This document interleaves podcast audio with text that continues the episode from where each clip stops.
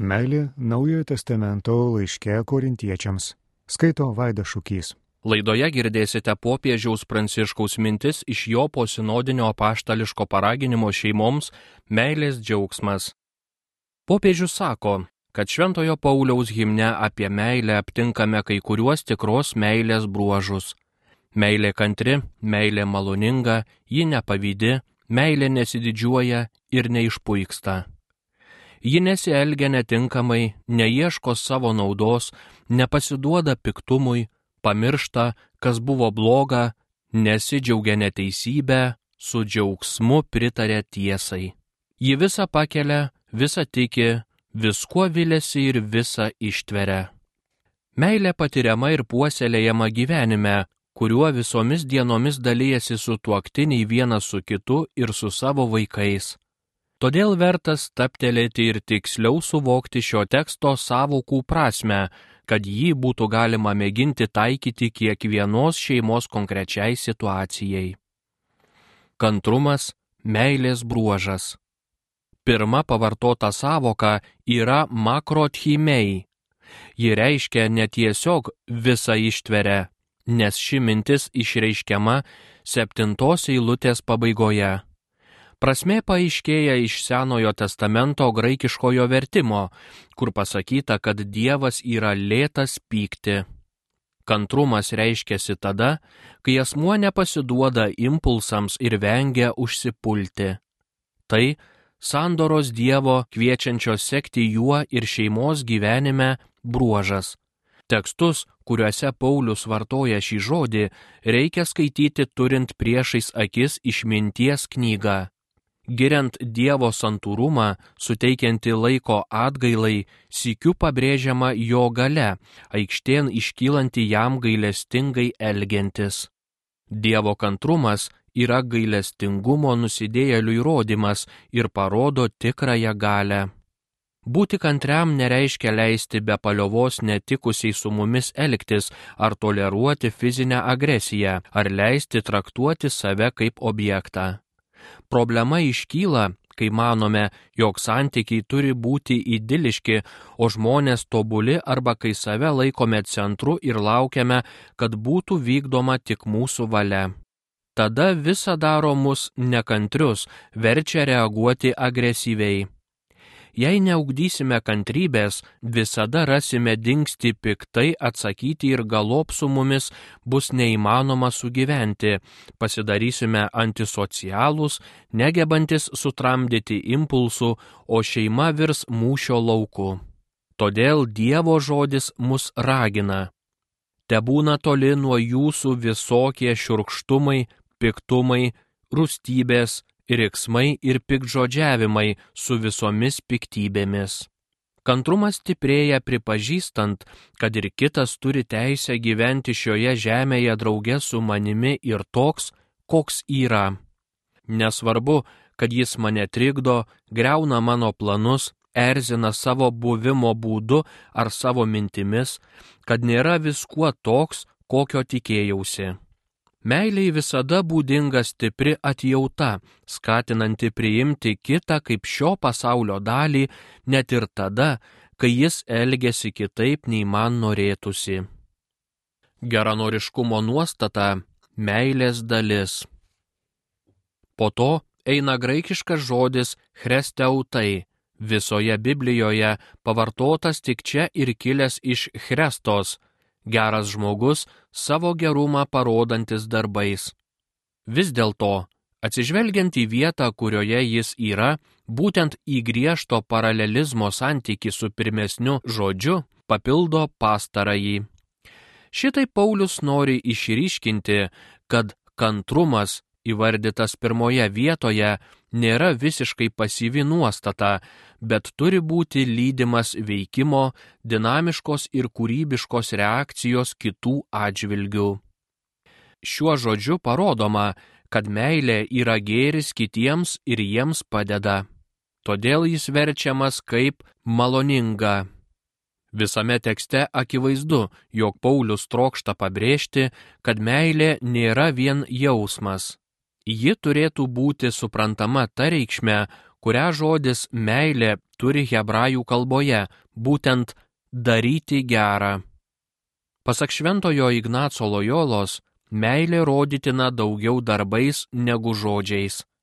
Šitaip ji atskleidžia visą savo vaisingumą ir leidžia mums patirti davimo laimę, apstaus dovanojimosi be saiko, be reikalavimo atsilyginti, vien iš noro duoti bei tarnauti kilnumą ir didingumą. Meilė padeda išgyti iš pavydo. Kaip priešinga meiliai atmetama nuostata, išreiškiama savoka zelos - pavydas. Tai reiškia, kad meilėje nėra vietos nepasitenkinimui dėl kitų gerovės. Pavydas yra liudesys dėl kito gerovės, liudijantis, kad mums kitų laimė nerūpi, nes visą dėmesį esame sutelkę į savo pačių gerovę. Meilė verčia išeiti iš savęs, o pavydas spaudžia į save koncentruotis. Tikra meilė brangina kitų sėkmes, nelaiko jų grėsme ir išsilaisvina iš pavydo kartaus skonio. Pripažįsta, kad visi turi skirtingų dovanų ir gyvenime žengia įvairiais keliais. Todėl stengiasi atrasti savo kelią į laimę, leisdama kitiems surasti savuosius kelius. Galiausiai kalbama apie poreikį įvykdyti tai, ko reikalaujama dviem paskutiniais Dievo įstatymo įsakymais. Negeisi savo artimo namų, negeisi savo artimo žmonos ar vergo ir vergės, ar jaučio ar asilo ar bet ko, kas priklauso tavo artimui. Meilė akina nuoširdžiai branginti kiekvieną žmogų, pripažįstant jo teisę į laimę myliu šį asmenį, žvelgiu į jį Dievo tėvo, kuris visko mums teikia mūsų džiaugsmui, žvilgsniu ir taip savo viduje patvirtinu, kad jis gali mėgautis gerą akimirką. Ta pati meilės šaknis visada verčia mane atmesti neteisingumą, kai vieni turi per daug, o kiti nieko, arba siekti, kad ir visuomeniai atstumtieji patirtų šiek tiek džiaugsmo. Visa tai yra ne pavydas, bet teisingumo troškimas. Meilė nemoka didžiuotis ir puikuotis. Po to eina žodis perpereutai, reiškiantis tuščią garbiškumą, troškimą pasirodyti pranašesniam, siekiant padaryti kitiems įspūdį pedantišką bei šiek tiek agresyvę nuostatą. Kas myli, tas ne tik vengia per daug kalbėti apie save, bet yra sutelkęs dėmesį į kitus. Moka išlikti savo vietoje, nesistengdamas atsidurti visų dėmesio centre. Kitas žodis - fisijautai - yra labai panašus, nes rodo, kad meilė nėra arogantiška. Paraidžiui reiškia nesipuikavimą prieš kitus ir žymi kai ką dar subtilesnio. Galvoje turima ne vien manija demonstruoti savo savybės, bet ir realybės jausmo praradimas.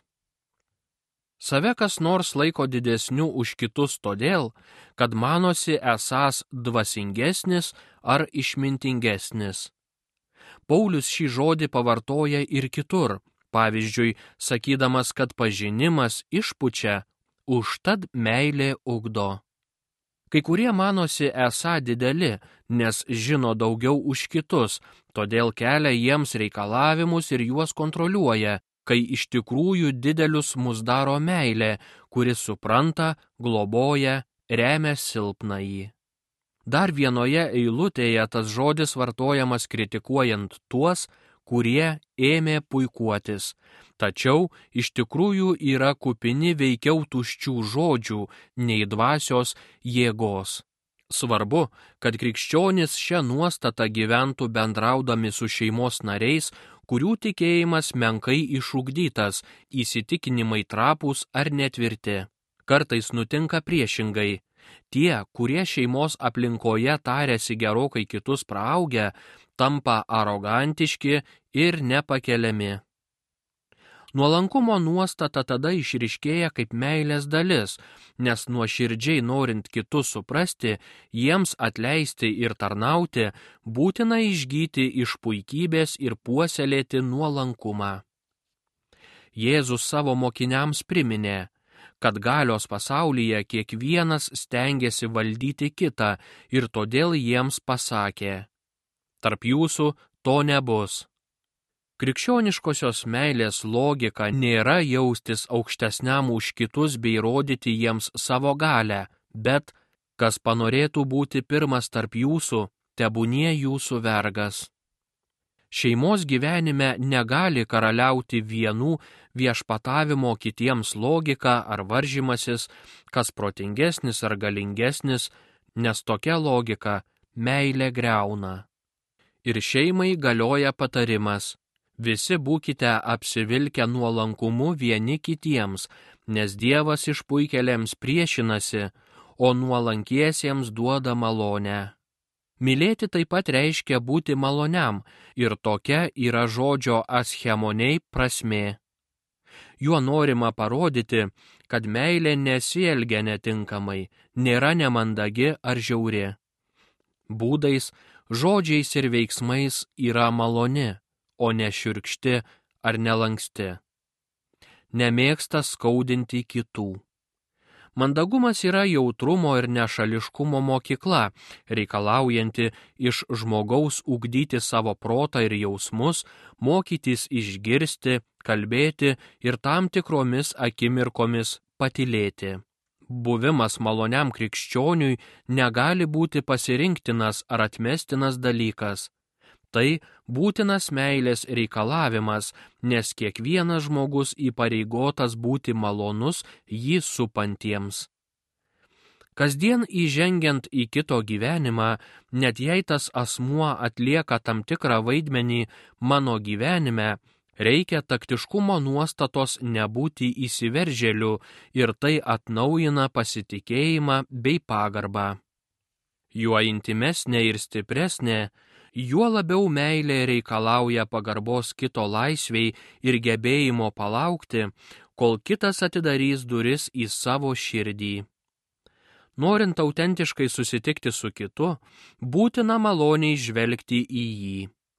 Tai neįmanoma karaliaujant pesimizmui, išryškinančiam kitų trūkumus ir klaidas, galbūt taip kompensuojant savo paties kompleksus. Malonus žvilgsnis neleidžia mums pernelyg užkliūti už kito ribotybių ir todėl įgalina, net jei esame skirtingi, vienam kitą pakesti ir imtis bendro projekto. Maloni meilė kildina ryšius, ugdo saitus, kuria naujus integracijos tinklus, audžia tvirtą socialinį audinį. Šitaip patys apsisaugome, nes be priklausomumo kam nors jausmo neįmanoma išlaikyti atsidavimo kitiems, galop imama ieškoti patogumo vien savo ir bendras gyvenimas tampa negalimas. Antisocialus asmuo tiki, kad kiti egzistuoja vien jo poreikiams patenkinti ir kad tai darydami atlieka savo pareigą. Tada erdvės meilės švelnumui ir kalbai nebelieka. Kas myli, tas geba padrasinti, paguosti, sustiprinti ir paskatinti. Štai pavyzdžiui, ką Jėzus sakydavo žmonėms. Pasitikėk, sunau. Didis tavo tikėjimas. Kelkis. Eik rami. Nebijokite. Šiais žodžiais nežeminama, neliūdinama, neerzinama, neniekinama. Šeimoje būtina išmokti tokios malonios Jėzaus kalbos. Meilė pasižymi dosniu nešališkumu. Dažnai kartojame, kad norint mylėti kitus, pirmą reikia mylėti save. Tačiau šiame meilės himne sakoma, kad meilė neieško savo naudos arba neieško kas sava. Toks pasakymas randamas ir kitame tekste. Žiūrėkite kiekvienas ne savo naudos, bet kitų.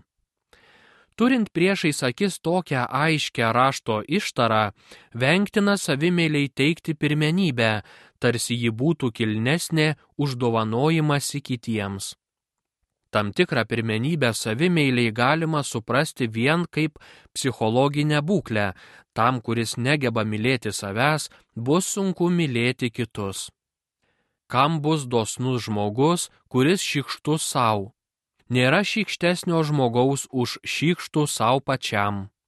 Tačiau pats Tomas Akvinietis aiškino, kad meiliai deramiau trokšti mylėti, nei trokšti būti mylimai ir kad motinos, kurių meilė stipriausia, siekia labiau mylėti, nei būti mylimos.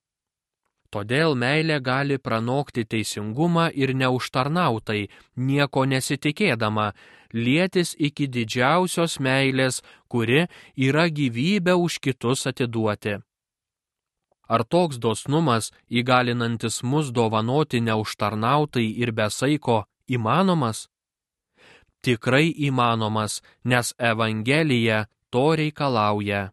Dovanai gavote, dovanai ir duokite.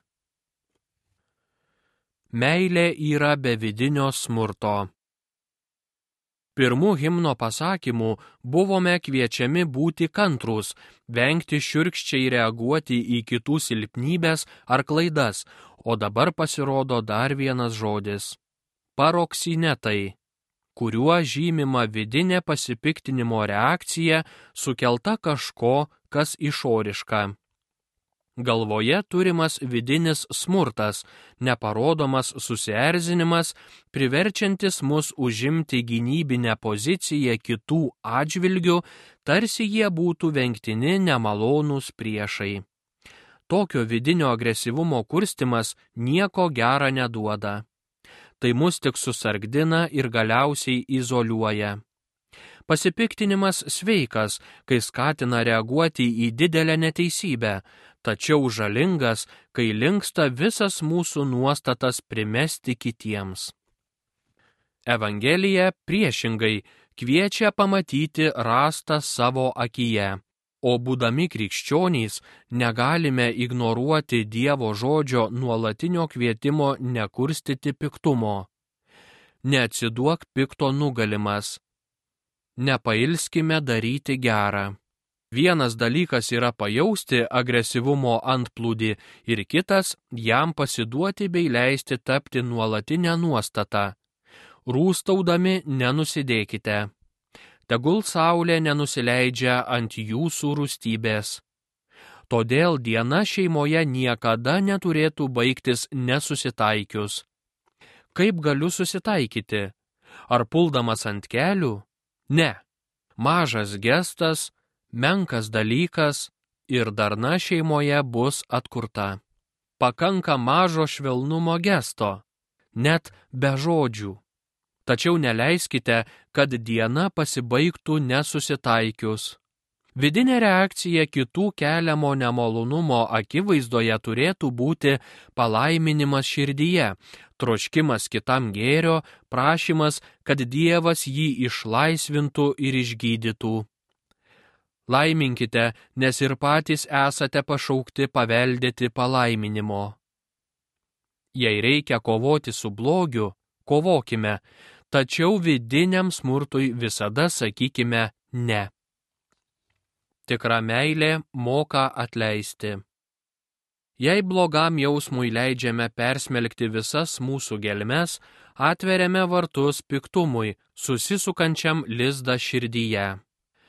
Graikiškas atsakymas logizė tai to kakon reiškia nepamiršti blogio, jį pažymėti, tai yra rūstauti. Priešingybė yra atleidimas, grįstas teigiama nuostata mėginant suprasti kitų silpnybės ir surasti kitam asmeniui pateisinimą, kaip sakė Jėzus.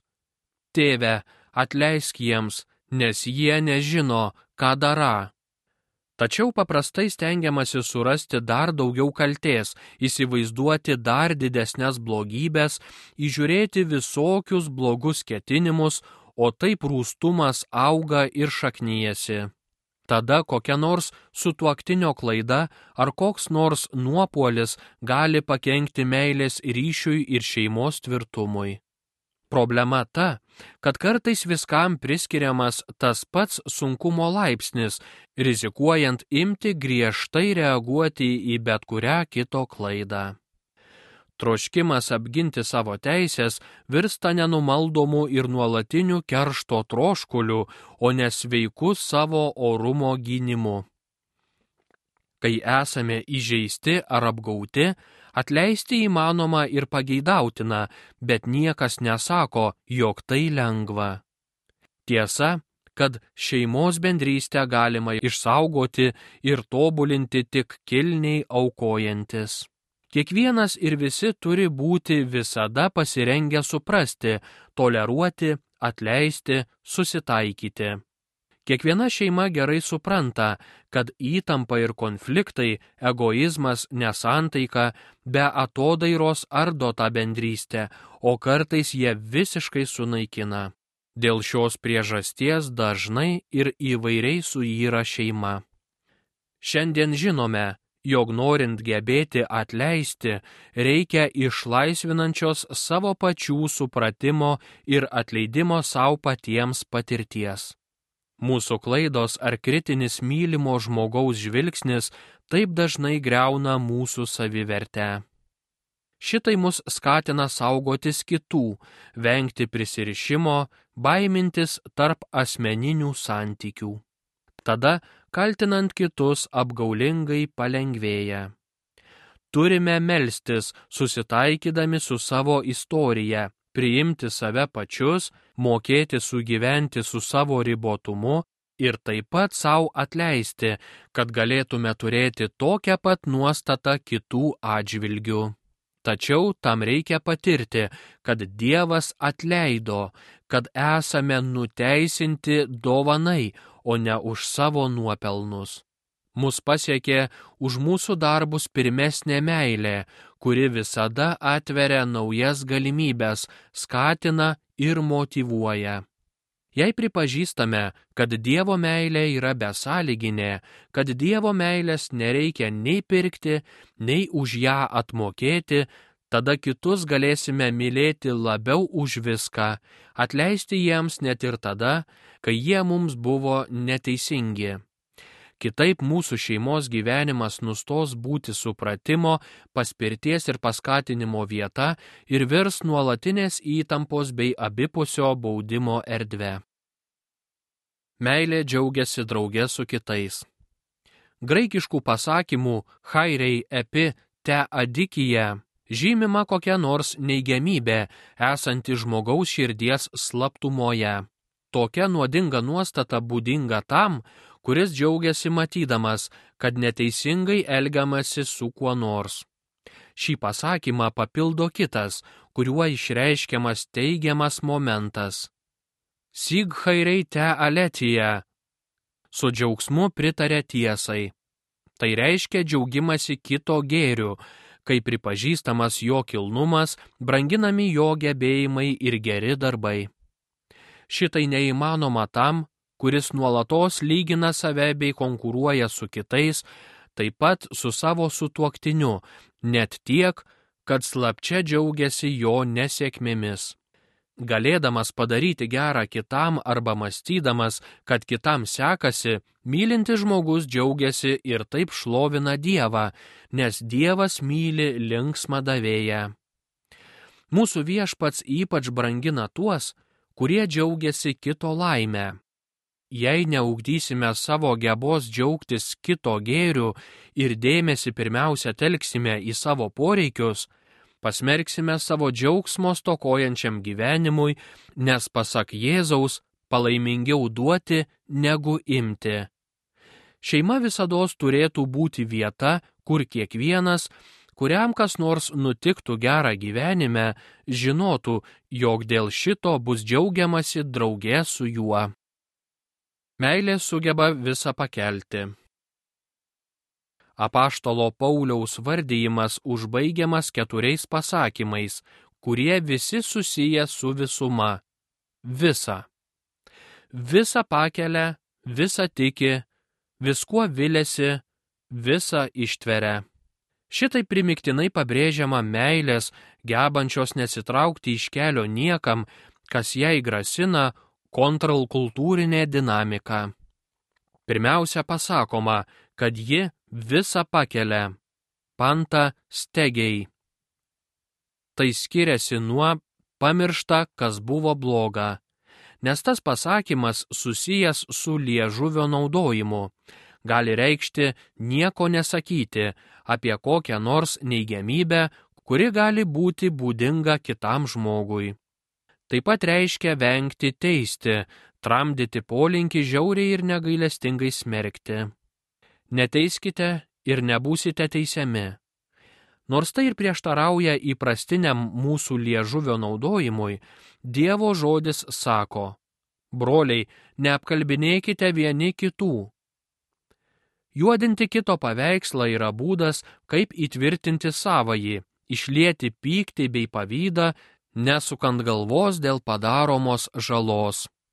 Dažnai užmirštama, kad šmeištas sunki nuodėmė, rimtas Dievo įžeidimas, kai pakenkiama geram kito vardui ir jam padaroma sunkiai atitaisoma žala. Todėl Dievo žodis liežuviui toks griežtas, sakydamas, kad liežuvis yra nedorybės visetas ir suteršia visą kūną. Nerimstanti blogybė pilna mirtinų nuodų. Juo keikiame žmonės, kurie sukurti būti panašus į Dievą o meilė kito paveikslą saugo taip jautriai, kad net sergsti gerą priešo vardą.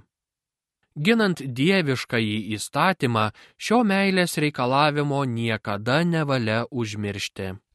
Vienas kitą mylintis ir vienas kitam priklausantis sutuoktiniai gerai kalba vienas apie kitą, stengiasi parodyti geras sutuoktinio pusės, nutilėdami trūkumus bei klaidas bet kuriuo atveju nesako nieko, kas pakenktų jo paveikslui. Tačiau toks elgesys yra ne tik išorinis veiksmas, bet ir kyla iš vidinės nuostatos. Tai nenaivumas, kai nenorima matyti kito sunkumų ir silpnybių, bet platus žvilgsnis tas silpnybės bei klaidas įkeliantis į kontekstą, primenantis, kad tie trūkumai yra kito būties viena dalis, o ne visuma nepatinkanti santykio dalis nėra to santykio visuma. Tada galima tiesiog pripažinti, kad visi esame sudėtingas šviesos ir šešėlio derinys. Kitas nėra vien tai, kas mane erzina, jis yra daug daugiau. Todėl nereikalauju iš jo tobulos meilės, kad jį branginčiau. Jis myli mane toks, koks yra, ir taip, kaip gali, būdamas ribotas, tačiau tai, kad jo meilė netobula, nereiškia, kad ji apgaulinga ar netikra. Tikra, bet ribota ir žemiška. Todėl, jei per daug reikalausiu, jis man tai kaip nors leis suprasti, nes negalės imtis ir nesijims dieviškosios būtybės vaidmens ir netarnaus visiems mano poreikiams. Meilė gyvuoja greta su netobulumu, visa pakelimu ir moka patylėti apie mylimo asmens ribotumus. Meilė visa tiki. Šiame kontekste šį tikėjimą žodžius visa tiki reikia suprasti ne teologinę, bet įprastinę pasitikėjimo prasme galvoje turimas ne tik manimas, kad kitas nemeluoja ir neapgaudinėja. Toks pamatinis pasitikėjimas pripažįsta Dievo šviesą, kuris lypi tamsoje, tartum žarijos, žėruojančios po pelenais. Šitoks pasitikėjimas įgalina laisvės santykį. Nebūtina kontroliuoti kito, smulkmeniškai sekioti paskui jį siekiant, kad jis nepabėgtų iš mūsų glėbio. Meilė pasitikė, palieka laisvėje, atsisako viską kontroliuoti, turėti savo žinioje, valdyti. Tokia laisvė įgalinanti autonomiją, atvirumą pasauliui ir naujai patirčiai leidžia santykiui turėti ir nevirsti horizontų stokojančią patirtimi. sutuoktiniai vis iš naujo susitikdami šitaip gali džiugiai pasidalyti tuo, ką gavo ir ko išmoko už šeimos rato. Sykiu, ji įgalina nuoširdumą bei skaidrumą, nes sutuoktinis, kuris žino, kad juo pasitikima ir kad jo nuoširdumas branginamas, nesislėpdamas rodysis toks, koks yra. O tas, kuris žino, kad yra įtarinėjamas, negailestingai smerkiamas, kad nėra besąlygiškai mylimas, geriau pasilaikys savo paslaptis, slėps savo paslydimus bei silpnybės, vaizduos save tokį, koks nėra. Ir priešingai, šeima, kurioje karaliaus tvirtas ir meilės kupinas pasitikėjimas ir, nepaisant visko, bus visada pasitikima, leis išriškėti tikrai jos narių tapatybei ir spontaniškai atmesti apgavystę, netiesą ir melą. Meilė viskuo vilėsi. Graikiškai panta elpiziai meilė nepraranda vilties dėl ateities. Siejant su ankstesniu pasakymu, šis posakis reiškia viltį to, kuris suvokia, jog kitas gali keistis. Jis visada vilėsi, kad įmanoma subręsti, netikėtai pražysti, kad vieną dieną sudyks jo būties giliausi potenciniai gebėjimai. Tai nereiškia, kad viskas pasikeis šiame gyvenime. Tačiau pripažintina, nors kai kurie dalykai vyksta ne taip, kaip norėtųsi, Dievas galbūt kaip tik tiesina kreivas to asmens linijas ir iš blogybių, kurių šis neįstengia įveikti šioje žemėje, išauks kokio nors gėrio. Čia viltis reiškiasi pilnatviškai, nes suvokiamas gyvenimo po mirties tikrumas. Žmogus su savo silpnybėmis pašauktas į dangaus pilnatvę. Ten jis bus visiškai perkeistas Kristaus prisikelimo ir nebeliks jo trapumo, tamsumo ir lygotumo. Ten to asmens autentiška būtis suspindės visu savo gerumu ir gražumu. Tai mums taip pat leidžia šio žemės nemalonumų sukūryje žvelgti į tą žmogų ant gamtinių žvilgsnių, vilties šviesoje bei laukti pilnatvės, kurią vieną dieną jis įgys dangaus karalystėje, net jei dabar to ir nematyti. Meilė visą ištveria. Graikiškai panta hipomeniai reiškia, kad visus išbandymus ištveria teigiama dvasia. Reiškia išlikti tvirtam priešiškoje aplinkoje. Galvoje turimas gebėjimas pakelti ne tik kokį nors erzinantį dalyką, bet ir kai ką daugiau, gebėjimas dinamiškai ir nuolatos priešintis įveikti bet kurį iššūkį. Tai meilė, nepaisant visko, taip pat tada, kai visas kontekstas kviečia kitkam. Tai rodo tam tikrą atkaklų didvyriškumą, galę priešintis bet kuriai neigiamai sroviai, neatšaukiamą apsisprendimą gėrio naudai. Tikra broliška meilė liudyja, asmuo, kuris jūsų labiausiai nekenčia, turi savyje gėrio, net jei net jūsų labiausiai nekenčianti tauta turi gėrio savyje net jūsų labiausiai nekenčianti rasė turi gėrio savyje, o pažvelgia kiekvienam žmogui į veidą ir giliai jame išvykę tai, ką religija vadina Dievo paveikslu, pradedate jį, nepaisydami visko, mylėti.